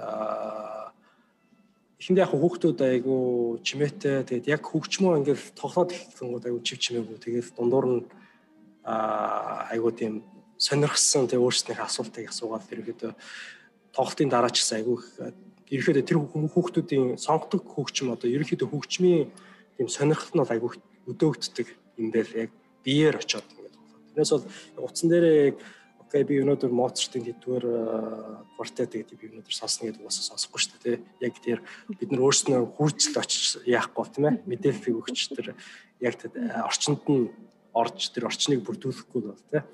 Тэгэхээр бол энэ маш өгөөжтэй ажил. Тэгээд би бас нэг юм дуртах гэсэн. Тэгээд миний дуртах байгаа нь болохоор одоо бид гэрлээ бит хоёрыг яг дунд дунд ч биш юм а баг баг 3 дугаар ангид чинь дунд анги тийм ээ. Sorry а дунд ангид байхад одоо яг ихтгэл оркестр гэдэг байгуулагдчихсан болохоор Карапетян тэгээд Саранти огш нарын санаачлах тий одоо энэ удирдлагын дор байгуулагдчихсан тийм оркестр байгаа. Хүүхдээ одоо баг сайн дуурин гэж хэлж болохоор. Гэхдээ яг санаачлагаараа бид нэр ингээд татаад оруулсан. Тэгээд энэгээр болохоор бид нэр айгүй их олонд хүрчтэй олон хүмүүст одоо нөгөө талаараа бас нөгөө мэрэгчлийн хувьд ч гэсэн хүний өмнө дээр тоглох тийм одоо туршлагыг бол айгүй их суулгасан. Тэгээд а яг энэ оркестрт одоо гэрлээ бит хоёроос гадна хамрагдчихсэн нэг ойролцоогоор 25 6 хүүхэд. Одоо тэр үедээ хүүхэд. Одоо том том залуучууд. Босон тэгээд энэ хүмүүсийн 2-ны 3 нь яг мэрэгчлэрээ хөгжмөөс одоо хөгжмөжгээ төгсөөд гадаад явах нь гадаад яваад а одоо бүгд тэр мэрэгчлэрээ ажиллаж байгаа. Тэгээд а одоо энийг яг зүгээр хөгжмөжийн нийт одоо ангийн 25 хүүхдгээд одоо бодоод үзэхэд энэ 25 хүүхдээс одоо дээшгээ явсаар хагаад 17 18 хүүхд нэг хөгжим бүжгээс төгсөөд цаашаа мэрэгчлэрээ ажиллаж гин гэдэг бодохоор ерөөхдөө мараа хөгжим бүжиг байтгаа ерөөхдөө их сургууль өөр бусад их сургуульд ч гэсэн одоо ийм үзүүлэлттэй одоо төгсөлт эсвэл ийм ажлын байранд очиж байгаа тийм үр дүн бол байхгүй байгаа. Тэгэхээр ерөөхдөө яг энэ жишээг ингээд бариад үзэх юм бол зөвхөн мэрэгжлийн сургууль гэхгүйгээр одоо бусад а 10 жилийн сургууль эсвэл одоо дунд сургуулиуд тийм ээ аль болох багаас нь ихвэлэл ингээл багийн ажилтай багаараа бид нэр одоо нэгдээд ингээд юм хийгээд одоо хөгжим гэдэг чинь үний харилцаа тийм ингээд харилцаад ингээд юм бүтээгээд явах юм бол энэ хүмүүст ирэхэд ямар эрийг нөлөө те үзүүлж чинь гэдгийг ирэхэд одоо бидний одоо яг амьдралтаар бол ирэхэд батлагдсан байгаа. Тэгээд Монголд очоод одоо надаас асуугаагүй л дээ. Гэхдээ би яг хариулж маш санагдаа. Аа Монголд очих юм бол би бас яг заавал ч хөгжим үжийн хүүхдүүд ихгүй. Одоо ерөөхдөө бол айгүй хуваараа сурч байгаа хүүхдүүд олон. Тэгээд би очоод хийсэн ч бай эсвэл надаас өмнө хийсэн ч айгүй хэрэг. Одоо өөр хүн хийсэн ч айгүй хэрэгтэй. Тэгээд бас яг орон зайн дутагдж байгаа нэг юм бол энэ магадгүй гэрлээ очоод энийг хийсэн бас дээр ах гэж бодож байна. Тэгэхээр аа аа тэгээд бас нөгөө нэг бас бас нэг өөр хийх одоо хийх хүсэж байгаа шиг бас бол одоо хүмүүсийг ерөөхдөө яг мэрэгчлийн хөгжимчдийг одоо хийгээсээ бодоосоо гэсэн юм болохоор а одоо хөгжмийн одоо тоглолт одоо сонгодог хөгжмийн тоглолтын програм найруулга буюу одоо куратор одоо куратор гэсэн тэр имийг одоо оюутанч бай, сурагчч бай, эсвэл мэрэгчлийн одоо хөгжимч бай, эсвэл хөгжмийн байгууллага тийм ээ. нэр илүү тэгж судлаасаа гэж би бас аягүй хүсэж байгаа. Тэгээд ерөнхийдөө буцаж очих юм бол энэ талаар аягүй мэдээл үгүй гэж бодож байгаа. Энэ болохоор юу гэхээр ерөөсөө л одоо а хөгжмийн концерт найруулахдаа одоо жишээ нь одоо нэг хөгжмийн зохиолчийн одоо ойн баярын концерт байлаа гэхэд тэр концертын дээр зөвхөн тэр хөгжмийн зохиолчийн зохиолоор ингээд дагнаад одоо тоглох одоо зохиолуудаа гаргах биш. Ерөөхдөө тэр хөгжмийн зохиолчоо яг одоо тэр хувь хүний байдлаас одоо харуулахын тулд тэр хөгжмийн зохиолч өөр амьд байхтай тий ямар ямар өөр хүмүүстэй ямар ямар өөр хөгжимчдтэй зохиолчтой харилцаж байсан эсвэл тэр хөгжмийн зохиолчийн зохиол нь ямар дараагийн хүмүүс эсвэл ямар зохиолч нарт нөлөөлсөн байж гэдэг тийм одоо энийг айгүй судалж одоо манайд ч бол айгүй нөө нэг одоо нэртэй зохиолууд айгүй давтамжтай тоглох тийм зохиолууд айгүй их байгаа байхгүй тэгэхээр ерөөхдөө энэ арга барилаар эсвэл энэ одоо найруулгаар одоо шинэ зохиолыг одоо мэддэгтэйгүү одоо хөгжмийн зохиолчдыг гаргаж ирж тийм а эвтэйхэн байдлаар одоо үзэгч нарт ингэж хүрэх тийм бол боломж байгаа. Зүгээр яг товчхон нэг жишээ юм бол Моцартын одоо ойн жилийн нэг концерт одоо хийлээ гэж бодоход а нэг Моцартын том хэлбэрийн зохиолыг оруулаад одоо бусад хэсэгт одоо жижиг хэсэгт нь болохоор Моцарттай хамааралтай байсан тий түүний хөгжмийн одоо хамааралтай байсан хөгжмийн зохиолчдын жижиг хэлбэрийн зохиолуудыг оруулаад тэгээд танилцуулаад одоо ямар холбоотой байсан тий одоо яг түүхийн хувьд одоо сонирхолтой байдлаар үзэгчдэд ингэж хүрэх нь айгүй өгөөчтэй юм болов уу гэж би бас. Тэгээд ерөнхийдөө хийх юмнууд бол айгүй бодогдож байгаа. Гэхдээ ярихаасаа илүү очиод хийвэл илүү аа сонирхолтой байх болов гэж бодож байна. Буцах төлөвлөгөө байна уу эсвэл А яг бүр мөсөн буцах төлөвлөгөө бол одоо ерөөхдөө байх нь байгаа. Гэхдээ яг товлсон тийм өдөр цаг болоо л. Та хоёрын нөгөө түрүүн ярьсан нөгөө нэг лекц концертууд дээрээс нөгөө хийсэн хүүхдүүдэд хандаж хийсэн тэр нөгөө төслүүд би бас юу гэж харж байгаа гэхээр тэр нөгөө нэг түрүүн мега хэлдэж шүү дээ шууд Моцартын квартет ч юм ингээл хайгаал сонсох хүн одоо баг байгаа юу гэд бас нэг бодлын бас тийм. Манай нөгөө нийгэм улсын маань хөгжил нөгөө ямар шүү төвчөнд явж байгаа лээ. Ерөөхдөө нийгмийн массын амьдрал ямар байгаа лээ. Нөгөө сонгодог хөгжим бүр сонирхож сонсох нь байтугай ирж үзэх нь байтугай. Нөгөө хийл морин хийл нөгөө хөгжмийн зэмсгээ хүртэл мэдэхгүй байгаа хүмүүс чинь шийдвэл яаж тэрийг ойлгож сонсох вэ те? Нэг бодлороо бас нөгөө тэр хүмүүсийн ард иргэдийн хөгжмийн боловсролыг дээшлүүлж байгаа а нөгөө талаараа бас биднэрт хэрэгтэй юм нь юу вэ гэхээр биднэрт бас сонгодог хөгжим сонирхогчтой сонсогчтой багаас нь ингээ бэлдэж байна гэж харж байгаа байхгүй. Тэгэхээр бас энэ ажлуудаа үргэлжлүүлээ цаашаа бас ингээд нэг нэгээрээ нэг ажлаа эсвэл дааж аваад те хамтраад ингээд нэг нэгээ бас дэмжиж ингээд бас яг төсөл ч юм уу хөтөлбөр ч юм уу яг систем зэгээр ингээд юмнуудаа хийвэл бас дараагийн үе маань бас арай энэ үеэс бас хамаагүй өөр. Уул нь бол хуучин ингээд харахад социализм үед нөгөө хүмүүсийн нийт массын юу арай өөр байсан ч юм шиг тийм ээ. А яг тэрнээс хойш нэг арчлал гараад тэрнээс хойш үе маань жоох ингээ алдагдаад тий. Тэгсэн байж магадгүй. Одоо тэгэхээр хаач явж одоо олон газар ажиллаж дэлхийн өнцөг булан бүрт одоо суралцж төгссөн мэрэгжилтэн боловсон хүчин бол манай хангалттай байгаа гэж харж байгаа. Тэгэхээр тэр олон сурсан бүх зүйлсээ одоо хуримтлуулсан туршлагаа эх орондоо ирээд хэрэгжүүлээд одоо хүсэж байгаа, төлөвлөж байгаа бүх ажил нь одоо бүтэмжтэй байх болтгоо гэж хэлсэн юм. Баярлалаа. За ингээд гурлаа. Чамд амжилт. Баярлалаа. За ингээд ерөнхийдөө гурлаа энэ удаагийнхаа дугаарыг өндөрлөе. А уул нь бол ярил маш олон сэдв, маш олон гоё сонирхолтой яриаг өрнүүлж болохоор байгаа боловч бас сонсож байгаа хүмүүс маань нөгөө энэ хугацаатай учраас бас хитрхи удаан байвал залхаж магадгүй. Тэгэхээр ингээд энэ хүрээд өнөөдрийнхөө подкастныхаа дугаарыг өндөрлөе. Ингээд миний урилгыг хүлээж авч цаг цагаа зарцуулж өнөөдрийн гоё сонирхолтой яриаг өрнүүлсэн та нарт маш их баярлалаа. Баярлалаа. Баярлалаа.